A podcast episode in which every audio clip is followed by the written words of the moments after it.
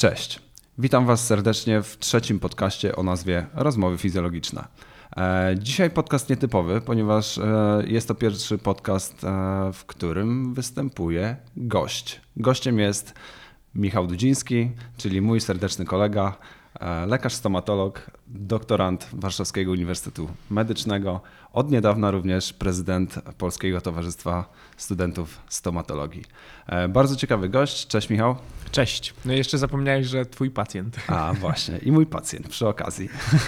już teraz prawie były, bo już, już wyleczona kontuzja. Mam także... nadzieję, że sobie nic nie zrobię właśnie, nowego, mam... ale z miłą chęcią jeszcze wpadnę. Mam nadzieję, że nie przyszły. Okej, okay. chciałbym przede wszystkim porozmawiać z Tobą o nie tylko o stomatologii, nie tylko o fizjoterapii w stomatologii, może, ponieważ e, te wątki będziemy poruszać na samym końcu podcastu, ale chciałbym e, pogadać z Tobą przede wszystkim o Twojej działalności poza stomatologią, czyli działalności charytatywnej, bo e, dobrze się znamy i wiem, że trochę tej działalności jest. Czy mógłbyś opowiedzieć troszeczkę na sam początek, co robisz w celach charytatywnych, jak to robisz, od kiedy to robisz? Zaczęło się w gimnazjum, kiedy chodziłem z puszką Ewośpu. E, natomiast e, później rozwinęło się to do tego stopnia, że e, od trzech lat organizujemy wyjazdy, e, tak naprawdę wakacje, tak mógłbym je nazwać, no bo generalnie e, polega to na tym, żeby złapać trochę wolnego oddechu, tego oddechu i, e, i odpocząć. No ale tak jak jedni lubią aktywny wypoczynek, no to my, że tak powiem, też należymy do tej grupy. I wyjazdy, które organizuję, polegają na tym, że poza odpoczynkiem pomagamy też ludziom e, ich po prostu leczymy. Zaczęło się od e, stomatologicznego projektu, który nazwaliśmy Dental Project w Nepalu. E, pojechaliśmy tam, bo był to kraj po katastrofie, po trzęsieniu ziemi i pomagaliśmy ludziom, leczyliśmy ich e, zęby, e, czy to chirurgicznie, czy zachowawczo, czy periodontologicznie, a później projekt się zaczął rozwijać do ogólnomedycznego, gdzie także zapraszamy do siebie e, na nasze wyjazdy i lekarzy, i fizjoterapeutów, pielęgniarki, higienistki, no i oczywiście lekarzy dentystów. Jak udało Wam się zorganizować ten pierwszy wyjazd? Skąd, skąd w ogóle pomysł i, i, jak udało Ci się nawiązać współpracę z Nepalem? No bo to jednak jest kierunek, który raczej nie jest oczywisty, jeśli chodzi o organizowanie czegokolwiek.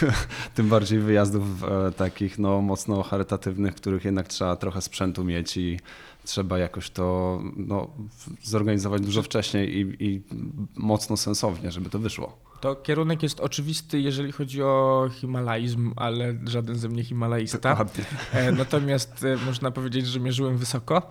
E, wyjazdy poniekąd już kiedyś gdzieś był organizowany, ponieważ działając na studiach w Polskim Towarzystwie Studentów Stomatologii jako mm, prezes oddziału Warszawa czy wiceprezydent na Polskę, także działałem w międzynarodowym zrzeszeniu studentów stomatologii i tam poniekąd tego typu wyjazdy były robione. Trochę w innej formie, ale współpracując z ludźmi z całego świata zdobywaliśmy te kontakty na całym świecie. No i wystarczyło później po studiach wykorzystać te kontakty, odezwać się do zaznajomionych e, już lekarzy, no bo czas mija, kończymy studia, więc to już do lekarzy się odezwaliśmy, żeby pomogli nam zorganizować tego typu akcje. Kraj, no akurat był po katastrofie to raz, a dwa dość mocno egzotyczny i idealnie się wpasowywał w naszą jakby ideologię, że możemy tam pojechać, zobaczyć coś ciekawego, a przy okazji pomóc ludziom i to no, bardzo biednym ludziom, bardzo ubogim, bo jak się okazało, trafiliśmy do regionu, w którym dentysta był tylko raz w roku. Niesamowite. E, pomogliśmy wtedy, pamiętam, 1500 osobom. Ile was ponad. Było? Pojechało nas 23 osoby. Nie wszyscy byli lekarzami dentystami. E, jedna osoba była dopiero w liceum, natomiast e, jeszcze jedna osoba była wtedy dzikanem czy prodzikanem weterynarii u nas na SGGW, więc zupełnie. E, Ale rozumiem, że też się przydali. Tak, jak najbardziej.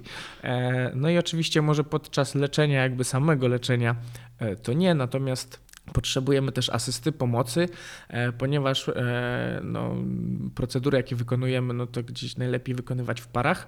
Oraz organizujemy także akcje profilaktyczne, gdzie badaliśmy dzieci w szkołach, y, wykonywaliśmy instruktaże oraz przeprowadzaliśmy lekcje, jak prawidłowo dbać o higienę ustnej, więc te osoby okazały się nam tutaj bardzo, bardzo pomocne, przydatne i na podstawie tego stwierdziłem, że pora się otworzyć, jakby nie tylko na lekarzy dentystów, Jasne. ale na tak naprawdę wszystkie inne e, grupy zawodowe medyczne oraz mało tego, nawet niemedyczne, no bo skoro licealistka mogła nam pomagać i asystować, to znaczy, że każdy się tam przyda. Wiem, że działałeś również w samorządzie studenckim na Warszawskim Uniwersytecie Medycznym. Czy to ci jakoś pomogło w organizowaniu takich wyjazdów na samym początku? Trochę tak. E, bo zaczęło się też jakby od wyjazdów. Generalnie, jeżeli chodzi o samorząd, to dostałem misję stworzenia samorządu, ponieważ e, w roku, w którym zacząłem działać, a właściwie znaczy rok później, bo najpierw zacząłem od e, kariery koordynatora do spraw szkoleń i akcji profilaktycznych, a w 2012 roku powstał u nas Wydział Lekarsko-Dentystyczny, więc ktoś musiał stworzyć samorząd, jakby założyć go od nowa. Chętnych było tylu, że w sumie tak naprawdę po prostu powierzyli to mi. Ja już wtedy przymierzałem się do kierowania oddziałem e, towarzystwa, warszawskim oddziałem. Także no, trzeba było jeszcze wziąć jedną rolę na barki i zostać przewodniczącym samorządu wydziału. Dodatkowo później pojawiły się kolejne opcje, bo jeszcze była Zostałem senatorem, parlamentarzystą w ogóle, więc generalnie bardzo, bardzo dużo miałem tych funkcji na studiach. I... Ktoś, cię, ktoś cię kiedyś nazwał szalonym dentystą, także to chyba się zgadza powoli. Znaczy, właśnie studiowałem trochę to słowo i jakby w znaczeniu takim, że e, pomylony to raczej nie. Znamy się już nie zgo... od, od, dłuższego czasu. Nie zgodziłbym się z tym, że jestem szalony w tym znaczeniu, natomiast e, synonimem tego słowa jest też nieszablonowy, więc... O Chyba lepiej mm, brzmi. Oryginal, tak, dokładnie, więc bardziej jakby. No na pewno lubię działać. Nie lubię siedzieć w miejscu, nic nie robić. E, no, no dlatego, dlatego też Cię tu zaprosiłem, bo strasznie lubię. Co ludzi, będziesz siedział w domu. Tak jest. E, strasznie lubię ludzi, którzy po prostu działają nie tylko w, w tej swojej sferze zawodowej, ale trochę wychodzą poza tą sferę zawodową i, i robią coś więcej i nie zawsze mają z tego jakieś gigantyczne profity na samym początku, bo wiemy, że z takich działań, e, czy charytatywnych, czy jakichkolwiek działań takich pro publico bono, e, te pieniądze pojawiają się po prostu później i, i, i, same gdzieś tam przychodzą, ale daje to ogromną satysfakcję i po prostu no, no, dlatego chciałem właśnie też z Tobą porozmawiać, bo, bo wiem, że to lubisz i, i bardzo się tym fascynujesz i, trochę się w to mocno wczuwasz, może tak to nazwę brzydko. Jeżeli chodzi o te wyjazdy i pieniądze, z które z tego idą, no to właśnie żadnych pieniędzy z tego nie mamy tak naprawdę, a wre, bo chcemy, e, idealnie by było dla mnie wysyłać ludzi na tego typu misje za darmo. No ale do tego potrzeba sponsorów, więc mam nadzieję, że kiedyś się to uda w ten sposób rozwinąć, że będzie mi dane coś takiego zrobić. Natomiast póki co wyjazdy mamy jakby wakacyjne, czyli no jak za wakacje trzeba sobie zapłacić, ale to, co działamy e, z tej strony, wykorzystując nasze kontakty e, w danym miejscu, to obniżamy mocno cenę. I taki wyjazd jest no, 2-3 razy tańszy niż wyjazd z biurem podróży. W związku z tym, po pierwsze, ani na tym nic nie zarabiamy, no bo nie o to nam chodzi, e, a dwa, wyjazdy staramy się robić do egzotycznych miejsc w bardzo przystępnych cenach, bo to jakby to, czego mi kiedyś brakowało, to to, że nie mogę, nie, no nie byłem na tyle majętnym człowiekiem, żeby jeździć po świecie wszędzie, bo nieważne ile ten bilet by kosztował, to ja sobie tam polecę. A bardzo chciałem zwiedzać ten świat i pozwiedzać coś e, więcej niż tylko Polskę. No i dlatego te wyjazdy gdzieś tam tu się pojawiły i to w takich cenach, żeby każdy, nieważne czy to będzie profesor czy licealista, no mógł z nami Dobra. pojechać. A wracając do pytania, czy samorząd mi w czymś pomógł, to stając przewodniczącym samorządu, e, do uczelni zgłosiła się e, firma, która robiła cykl akcji Chrońmy dziecięce uśmiechy.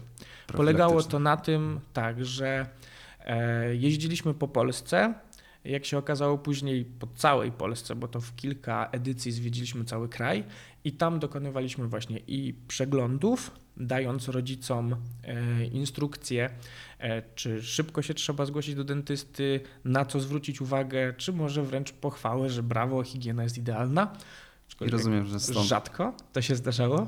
I rozumiem, że stąd pomysł i przełożenie później tego. No skoro zwiedziliśmy całą Polskę, to trzeba jechać dalej. To trzeba jechać dalej. Oczywiście akcje w Polsce zostały. Nie jest tak, że w kraju nie pomagam i nie pomagamy. Ostatnio mieliśmy akcję tu w Warszawie w szkole numer 12 taką mikołajkową i te akcje dzieją się w całym kraju. Wszystkie oddziały pomagają jak mogą i w przedszkolach, i w szkołach.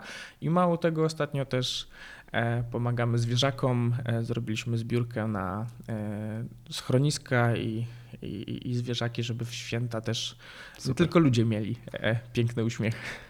E, a powiedz mi jeszcze, jeśli chodzi o sprzęt, który używacie na takich wyjazdach, bo rozumiem, że nie jest to sprzęt, który kupujecie sami, tylko jest to sprzęt gdzieś tam e, od sponsorów. Zależy co, bo na przykład lampki czołowe kupujemy sami. Jest to może. tak. Ściągacie. No, takie mm, ze sklepów dla górników. E, jeżeli chodzi o sprzęt, który jest jakby wybitnie no, niestomatologiczny, no to są te lampki czołowe, gdzieś w jakichś sklepach sportowych kupowane. E, jeden doktor, pamiętam kiedyś przywiózł taką tak, taki halogen wręcz e, na akumulatorki w ogóle, no bo warunki, w których pracujemy, no z roku na rok się poprawiają, bo gdzieś tam e, też się o to staramy, ale zaczęliśmy po prostu od przyjmowania w baraku. Przyjmowaliśmy w baraku, przyjmowaliśmy e, na plebanii, przyjmowaliśmy w kościele. E, co kraj to inna klinika, że tak w cudzysłowie powiem.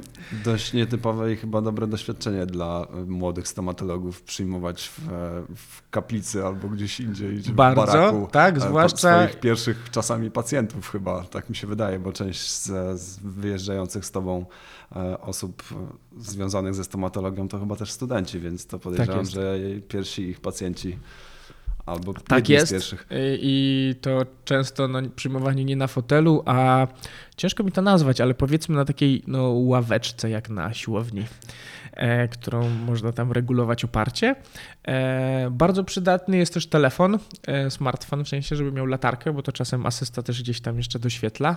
E, no, jakby musi być spełniony punkt pierwszy, tak, jakby pracy zabiegowej, operator musi widzieć. W związku z tym e, staramy się to jakoś w ten sposób zrobić, skoro nie mamy unitu i profesjonalnego sprzętu. W tym roku udało się nam w Nepalu e, już pracować w klinice, która została wybudowana dzięki i naszej, i, i pomocy fundacji i lekarzy stamtąd, więc były dwa fotele takie już w pełni stomatologiczne. Wow.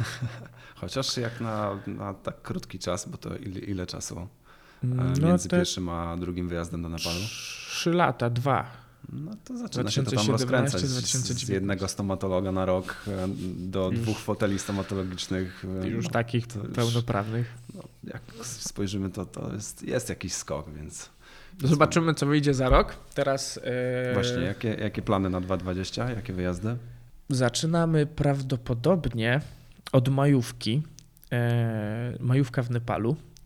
Później nawiązałem kontakt z Indonezją, w związku z tym na przełomie czerwca-lipca planujemy wyjazd na e, Bali, Lombok. No generalnie chyba Lombok, bo to jest bardziej potrzebująca wyspa. No ale zwiedzać będziemy też okoliczne. W sierpniu planujemy Filipiny. No i zobaczymy, być może jeszcze się uda we wrześniu, końcu, tak na przełomie października, e, Jamajkę. To zależy oczywiście od nas, co pozyskamy i, i, co się uda dogadać, ale także od tej drugiej strony. I na przykład w tym roku nie udało nam się zorganizować wyjazdu na Jamajkę, ponieważ e, doktor Hani, w którym tam współpracujemy, dorobił się potomka, w związku z tym rozumiemy, że najpierw czasu. syn, e, a dopiero potem my. W związku z tym, no jeżeli byłyby inne chętne osoby w danych miastach, no to my się będziemy rozwijać i z każdym współpracować, z kim możemy. No ale czasem znajdujemy takie przeciwności, więc to, że w 2019 się coś nie odbyło, nie znaczy, że w 2020 nie spróbujemy tego Jasne. zrobić. Polecam Filipiny. E, to byłem, widziałem. Byłem tam ostatnio i wiem, że jest tam duży problem stomatologiczny. nie tylko z dostępem. Natomiast krajobrazy, jak tam widziałem, są tak przepiękne, że to po prostu no, chyba będziemy musieli wydłużyć wyjazd. Zdecydowanie polecam.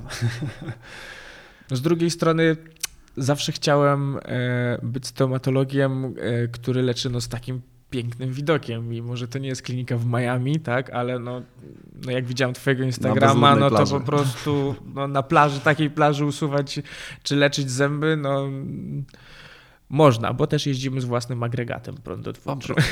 To może, może w tym roku się uda, polecam. Podsumowując, zdecydowanie jeśli tylko macie możliwość, to pracujcie nie tylko w kierunkach swoich e, zawodowych, już nawet na studiach, bo jak widzicie, przynosi to bardzo fajne rezultaty i przynosi to bardzo fajne pomysły, jeśli zaangażujecie się trochę wcześniej, czyli nawet jeszcze na pierwszym, drugim, trzecim roku studiów. Wykorzystajcie trochę ten czas, który macie i, i nawiążcie trochę kontaktów nie tylko w Polsce, a może, może uda Wam się wymyślić coś równie fajnego, jak, jak wymyślił Michał. Zacznijmy jeszcze temat fizjoterapeutyczny, no bo nie byłbym sobą, gdybym Cię nie zapytał trochę o współpracę stomatolog-fizjoterapeuta. Tak, jak mm. stomatolog złamie rękę, to wtedy od razu do fizjoterapeuty. Oby łamali jak najrzadziej. Mm, w ostatni... No mi się niestety trafiło, ale powiem wam, że znalazłem dobrego fizjoterapeutę. Siedzi tu naprzeciwko. Bardzo się cieszę, bardzo dziękuję za opinię. Mam nadzieję, że e, byłem przydatny, ręka chyba działa, więc. Tak jest, nawet mogłem wrócić to, do, tak. do, do ćwiczeń i, i e, no jechać nadal do kolejnych krajów. W związku z tym, jak widać, się przydaje. E, z drugiej strony współpraca powinna się układać jak najlepiej, aczkolwiek nie zawsze na leczeniu jego uszkodzonej kończyny. To porozmawiajmy w takim razie nie tylko o współpracy fizjoterapeuta-pacjent-stomatolog, ale e, o o współpracy takiej typowo zawodowej. E, w ostatnich latach mocno popularyzuje się trend rehabilitacji na przykład stawów skroniowo-żuchwowych czy, czy twarzoczaszki. Czy uważasz, że jest to przyszłościowy kierunek dla młodych fizjoterapeutów? Czy w ogóle warto w to inwestować? Czy to faktycznie będzie się rozkręcać? Czy to, czy to jest potrzebne? To, to jest główne pytanie. Hmm, powiem tak. To jest bardzo trudna dziedzina. I naprawdę okazuje się, że staw skroniowo-brzuchowy to jest nasz najbardziej skomplikowany staw w organizmie. Ludziom się może wydawać, że kolano jest skomplikowane. Owszem, jest, ale. Nie, kolano jest proste. Okej, okay. E, nie jestem ekspertem, tu się zdaje Z na własnego ciebie. doświadczenia. Po Natomiast... 10 latach praktyki kolano jest proste. Ja ci mogę powiedzieć, że mój łokieć teraz jest prosty, więc bardzo dziękuję. Natomiast e, można gdzieś tam nie przejść, można dokuśtykać do lodówki, żeby wziąć sobie jakieś jedzenie, ale nie jeść, nie przyłykać śliny na czas rehabilitacji stawów skroniowo-żuchwowych, no raczej się nie da. Albo czasami zwykłe ziewanie może być problemem. W związku z tym ten staw jest naprawdę cały czas przez nas eksploatowany. No a zaczynamy to doceniać, jak często go używamy, no jak coś się z nim dzieje. W związku z tym kierunek jest bardzo przyszłościowy, ponieważ zwiększa się świadomość osób i coraz więcej mamy takich pacjentów.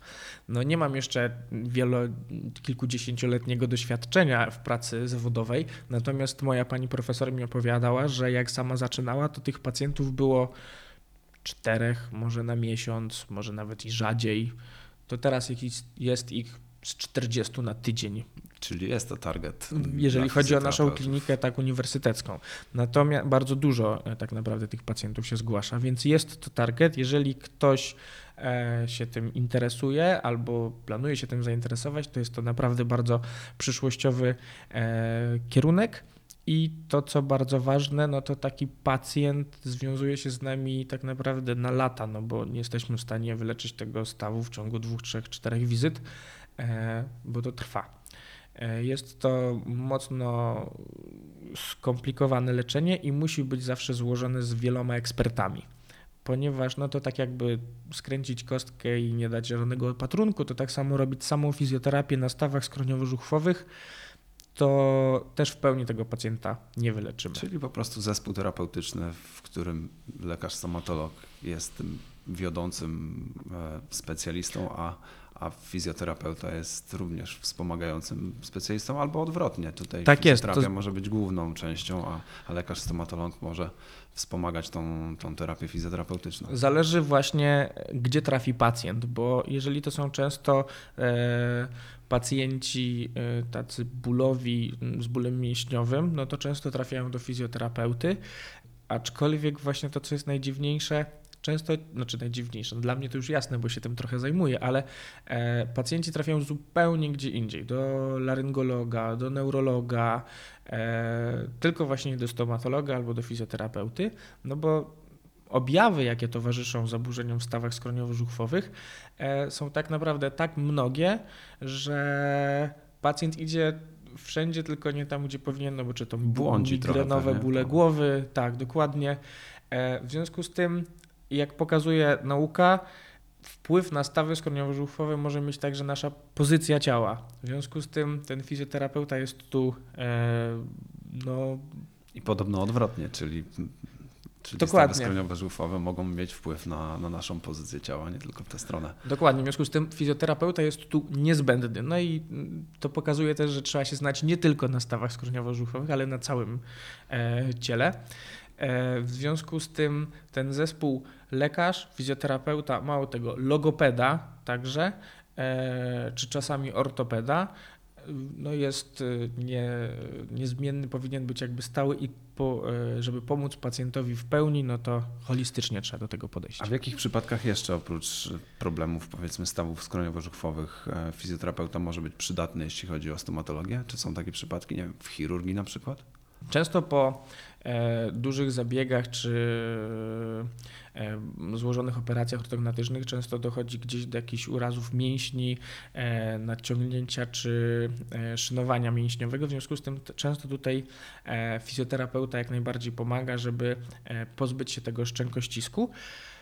W związku z tym tych przyczyn, jest, tych e, wskazań do fizjoterapii jest tak naprawdę więcej. Nie chodzi tylko o czynnościowe zaburzenia stawu skroniowo-żuchwowych. Często są to też bóle mięśniowe, takie miopatie, wynikające właśnie czy ze zgrzytania zębami, czy e, zaciskania e, zębów. To ten bruksizm, czy dzienny, czy nocny, boże, no tak, czy dzienny, czy nocny. I tutaj fizjoterapeuta też jest bardzo potrzebny, ponieważ to, co zrobi lekarz, to jedno, ale też trzeba pomóc właśnie na te zbolałe mięśnie, na te, no, rozmasować te punkty spustowe i te mięśnie, które no, są w takim permanentnym skurczu, żeby je w końcu rozluźnić. I jesteśmy to w stanie zrobić poniekąd poprzez szyny e, stomatologiczne, relaksacyjne, ale z fizjoterapią pójdzie to szybciej, sprawniej, no i pacjent będzie bardziej zadowolony. Dodatkowo przy patologicznym starciu zębów często dochodzi do zaniżenia e, zwarcia i wtedy ta pozycja u pacjenta się utrwala. W związku z tym przy takich skrajnych przypadkach poza samą deprogramacją i rozluźnieniem tych mięśni, tu jeszcze by się przydał fizjoterapeuta i właśnie logopeda, e, żeby nauczyć tego pacjenta, właśnie neurologopeda, żeby nauczyć tego pacjenta i prawidłowo operować mięśniami i językiem oraz je po prostu rozluźnić i ustawić w prawidłowej pozycji relacje szczęki do żuchwy. Super, czyli jest tutaj pole do popisu dla fizjoterapeuty. Jest jak najbardziej i właśnie to, co jest e, e, jakby to, co mi się podoba najbardziej, że ta świadomość pacjentów rośnie. Tak, jakby tak, to prawda. To nie jest tak, że kiedyś się ludziom stawy nie psuły, a dzisiaj się psują i co to się wydarzyło, że tak się zmieniło. Po prostu ta państwowa służba zdrowia, mi się wydaje, która była w poprzednim ustroju, skupiała się na tym, żeby no, pozbyć się jakiegoś problemu. Kiedyś też tam wielu pacjentów mi mówi, że a jak ząb bolał, to się go usuwało. No dzisiaj jest walka, e, bo nie ma nic cenniejszego niż własny ząb, więc leczymy go do końca, próbujemy. E, mamy naprawdę bardzo zaawansowane metody. W związku z tym ta świadomość o tym, że te że zęby, że cały Układ stomatognatyczny ma wpływ nie tylko na nasze zdrowie fizyczne i całe ciało, ale też na psychikę. no bo życie z takim przewlekłym bólem to też może doprowadzić do depresji czy różnych innych chorób e, związanych ze zdrowiem psychicznym. W związku z tym ten zespół lekarz, dentysta, fizjoterapeuta pomaga nie tylko na dolegliwości bólowe, ale także w aspekcie leczenia czy depresji czy e, no, pewnego rodzaju chorób psychicznych, właściwie zaburzeń, bym powiedział, bo czy zauważyłeś, w, że czy w klinikach stomatologicznych zatrudnia się fizjoterapeutów aktualnie? Coraz częściej. Tak, czyli zauważyłem, że jest fizjoterapeuci w klinikach stomatologicznych. Tak. Yy, zauważyłem, że no oczywiście im większa klinika, tym większe prawdopodobieństwo, że ten fizjoterapeuta tam będzie. Natomiast yy, zauważyłem ten trend jak najbardziej, że dochodzi się do takiego kompleksowego leczenia, gdzie w klinice stomatologicznej nie ma tylko lekarzy dentystów i higienistek, tylko pracują także fizjoterapeuci. Oraz często wykorzystujemy właśnie, albo często to robią lekarze medycyny estetycznej, jeżeli chodzi o na przykład terapię botoksem e, w mięśnie żwacze, bo u takich hardkorowych e, zaciskaczy czy bruksistów to też jest... E, spinaczy. Takich spinaczy, dokładnie. E, to też jest często wskazane, żeby pomóc też no nie tylko masa masażem, fizjoterapią, szyną relaksacyjną, ale także i toksyną botulinową, żeby te mięśnie się nam tak nie spinały. A wracając jeszcze do, do współpracy fizjoterapeuta-stomatolog, bo Zastanawiam się nad szkoleniami dla fizjoterapeutów, którzy mogliby pracować właśnie w kierunku stomatologicznym. Czy, czy na rynku są szkolenia prowadzone przez stomatologów dla fizjoterapeutów? Bo wiem, że ty również prowadzisz szkolenia, ale są to szkolenia głównie dla stomatologów. Jeżeli chodzi o tego typu szkolenia, to oczywiście, tak jak powiedziałeś, najwięcej szkoleń jest fizjoterapeuta dla fizjoterapeuty. Natomiast na e, szkoleniach e, dla lekarzy Mówimy, mówi się o tym, o, e, o roli fizjoterapeuty w danym leczeniu, leczeniu zaburzeń e, czynnościowych narządu rzucia.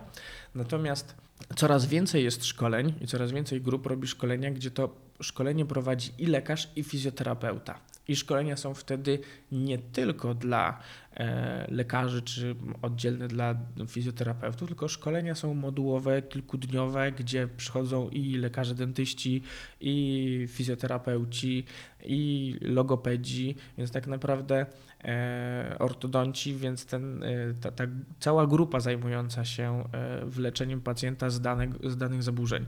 Natomiast i to, co bym chciał jakby dodać, to są najbardziej wartościowe szkolenia, kiedy jedna osoba powie ze swojego punktu widzenia, czyli lekarz, dentysta, e, i z drugiej strony fizjoterapeuta powie, co on potem może zrobić, żebyśmy też mieli świadomość tego, kiedy pacjenta wysłać do dentysty, żeby te, tą świadomość miał fizjoterapeuta, bo to są też proste badania, proste rzeczy do sprawdzenia, trwają chwilę e, u Was w, jakby w gabinecie, tak, i od razu można pacjentowi powiedzieć, tu sugeruję wizytę u dentysty, żeby to w pełni wyleczyć, to trzeba zrobić jeszcze to i tamto. Natomiast e, dentysta też musi mieć świadomość, że często sam nie wyleczy tego pacjenta, żeby wiedzieć, kiedy e, skierować go właśnie czy do fizjoterapeuty, no, czy często do logopedy. To już zależy od danego przypadku i coraz więcej jest tych szkoleń łączących jedno z drugim. I jakbym miał coś rekomendować, to właśnie tego typu szkolenia. To takie szkolenia. No bo jeśli chodzi o fizjoterapeutyczne szkolenia, takie typowe stawy skroniowo-żuchwowe, no to, to jest to osteopatia, tu na pewno ta, o tą działkę zahacza. Mhm. No i jest, jest szkolenie Krafta, ale to są tak. też szkolenia, które są prowadzone faktycznie przez fizjoterapeutów. Dokładnie. Ja bym ze swojej strony rekomendował jeszcze szkolenia y, przez Rokabado, profesora Rokabado prowadzone, albo według jego koncepcji, żeby też znaleźć tą mapę bólu. Mocno skupiają się na anatomii. Y, bardzo ważna jest też relacja szczęki do żuchwy i jak to wszystko przebiega w, e, w stawie. E, w związku z tym coraz więcej szkoleń jakby sam widzę, że się pojawia łączących grupy zawodowe podchodzących do tematu kompleksowo. No jak chcemy pacjentowi pomóc, no to tak właśnie trzeba podejść. Porozmawiamy jeszcze na temat fizjoterapeuta, stomatolog, ale pacjent. Mhm. Jeśli miałbyś wymienić trzy najczęściej pojawiające się problemy wśród lekarzy stomatologów, które e, leczą u fizjoterapeutów. Takie choroby zawodowe, które, które trafiają do fizjoterapeutów. To ja bym ci powiedział e, plecy, plecy, plecy, tylko zależy który odcinek. Takie jest też moje doświadczenie. Dokładnie. Jest nawet cały podręcznik, uczą nas tego, jak ergonomicznie pracować przy, e, przy pacjencie. To, co jest bardzo fajne, to mikroskop, ponieważ on wymusza poniekąd tą prawidłową pozycję i jak widzę po moich kolegach endodontach, którzy stale pracują przy mikroskopie, lecząc e, zęby kanałowo, to chyba najmniej mają takich e, problemów i dolegliwości, natomiast no, często gdzieś czegoś nie widzimy, pole operacyjne jest trudne, więc robimy tam kombinacje alpejskie, jeżeli chodzi o to, e, co wyczyniają lekarze przy, przy, przy fotelu, jak próbują gdzieś tam dotrzeć i zajrzeć, żeby, e, żeby widzieć, no, nazwijmy to ładnie, operowane miejsce albo właśnie ten ząb, którym, nad którym pracujemy. Na pewno nie pomagają wyjazdy wolontaryjne, ponieważ ciężko zachować e, ergonomię pracy pracując w baraku e, z drewnianymi okłami. Ciężko stanąć za głową pacjenta chyba. E, raz stanąłem, a to wtedy za mną był taki, ja wiem, 30-centymetrowy pająk. No, generalnie w wielkości takiego talerza obiadowego. W życiu się tak nie wystraszyłem, w życiu tak szybko zęba nie usunąłem. Ale pan powiedział, że to typowy nepalski pająk i powinienem się nie bać póki nie ma krzyża i nie jest czerwony, to... Tak jest. No, on był wielki, brzydki, włochaty, także no, no było wesoło. Przynajmniej teraz to wspominam wesoło. Wtedy no, nigdy się chyba nie spociłem jak wtedy, e, ale to tylko no, jakby może brzmi tragicznie, ale no, zachęcam do brania udziału w naszych wyjazdach, no bo tego typu przygody potem zostają na całe życie. Wracając jeszcze do tej ergonomii, bo to taki sztampowy przykład e, nasz fizjoterapeutyczny, jeśli chodzi o, o, o, pacjentów, lekarzy, stomatologów. E, proszę pracować za głową. Czy to faktycznie w praktyce, jak to się sprawdza? To jest pierwsze pytanie. I czy to faktycznie w praktyce pomaga, jeśli chodzi o dolegliwości bólowe kręgosłupa? Bo wydaje mi się, przynajmniej ja mam takie na to spojrzenie, że to ma swoje duże plusy, ale ma też trochę minusów. Tak, y, oczywiście pozycja tak zwana na godzinie 12 jest uczona już na studiach. Y, o tyle co ciekawego, to często starsi asystenci, którzy jej uczą, dalej pracują na dziewiątej i e, bo tak sami zostali nauczeni, jak gdzieś w latach 90. jeszcze słyszałem, że uczyli w ogóle przyjmować pacjenta na stojąco super, ale 12 godzin pracy to jakoś sobie tego nie wyobrażam.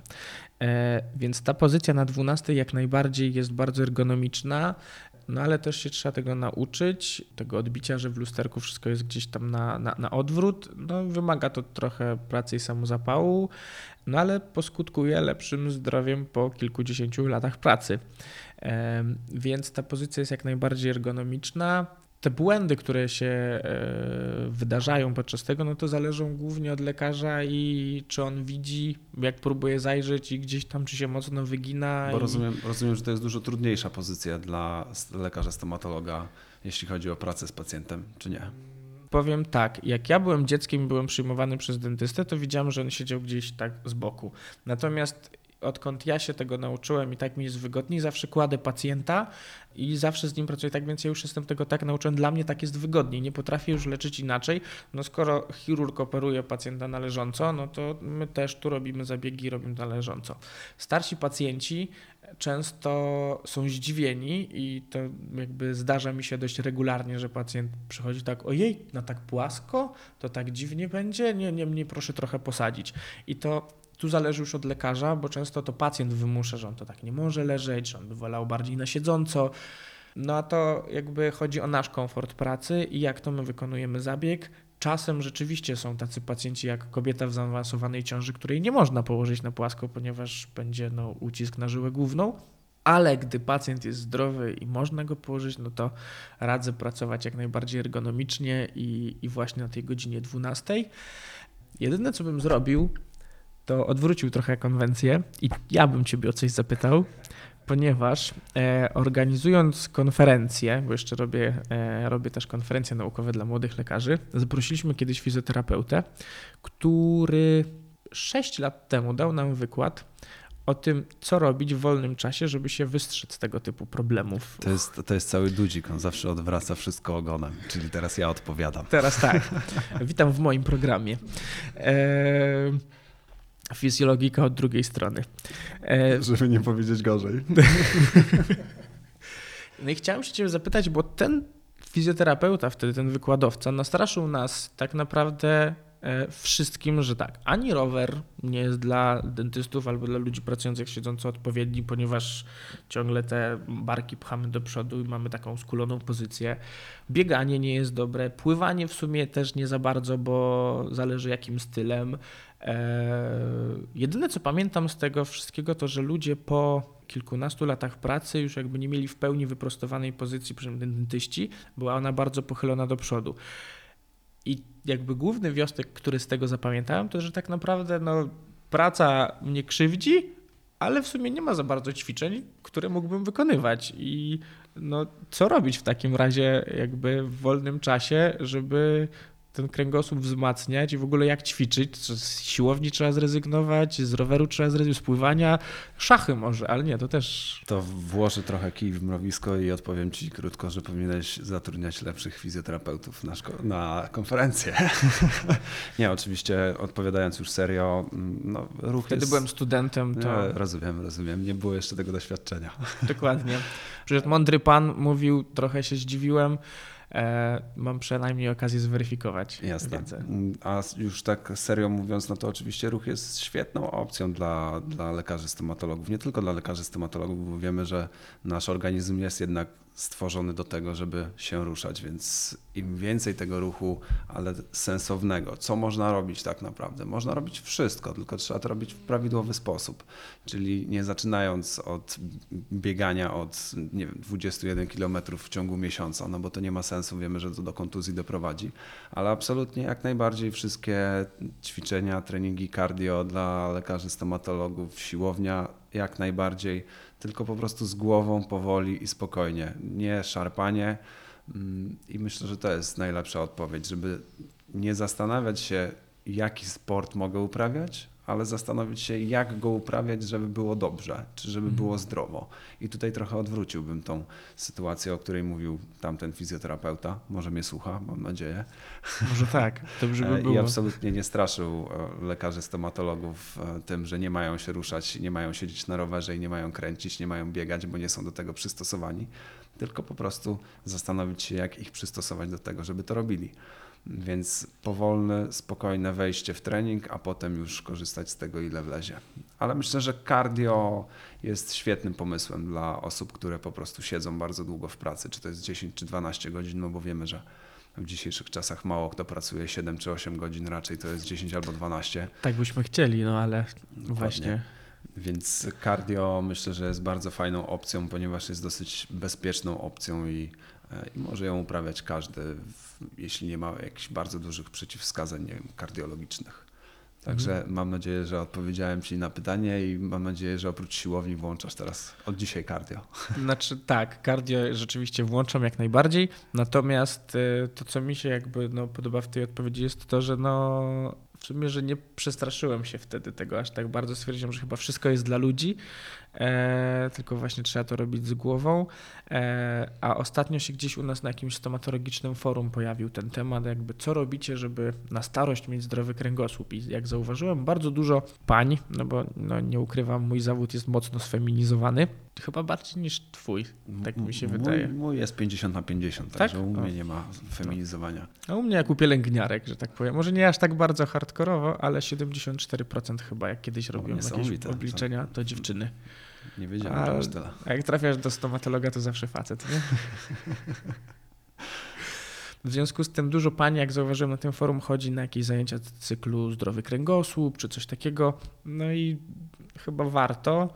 No tak, ja nie... myślę, że tutaj regularność też jest e, dosyć, dosyć kluczową rolę gra w tym wszystkim. Po prostu trzeba robić coś regularnie, a nie na szarpanie, czyli nie ćwiczę miesiąc, a potem miesiąc leżę albo dwa miesiące leżę i czekam aż przyjdą tego efekty, tylko po prostu regularnie się ruszać i, i zmniejszać ryzyko kontuzji zawodowych, jeśli to jest kręgosłup. Ja zauważyłem, że jest to również, są to również problemy z nadgarstkiem dosyć często, tak mi się wydaje. O, tak, albo jeszcze dochodził do tego e, ten tak zwany łokieć tenisisty, tak? No, pewnie nie chodzi o, o granie w tenisa podczas wizyty, ale właśnie jak ludzie tak wymieniali to albo ten zespół ciśni nadgarstka, często właśnie to wibracje też mają wpływ na to, bo pracujemy no, na tych mikrosilnikach, mikromotorach, które jakąś tam tą wibrację na nas przekazują.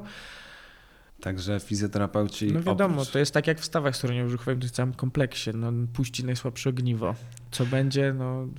Także fizjoterapeuci oprócz e, tego, że możemy leczyć pacjentów, naszych lekarzy, stomatologów, to macie tutaj również piękne pole do popisu, jeśli chodzi o choroby zawodowe czy kontuzje zawodowe. Warto, warto współpracować z lekarzami dentystami, bo jak nie przyślą wam pacjentów, to kiedyś sami przyjdą. Oby ich było jak najmniej. Ja zacząłem z Piotrkiem od drugiej strony. Najpierw ja przyszedłem, a tak teraz jest. będę wysyłał pacjentów.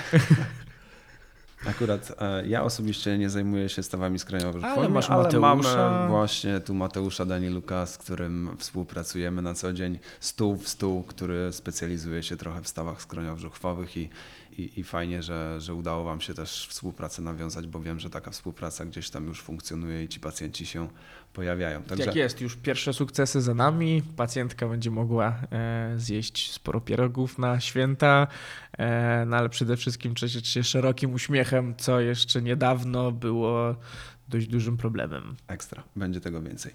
Super, Michał, bardzo, bardzo dziękuję Ci za to, że pojawiłeś się u mnie w podcaście, e, za Twoje odpowiedzi i wypowiedzi.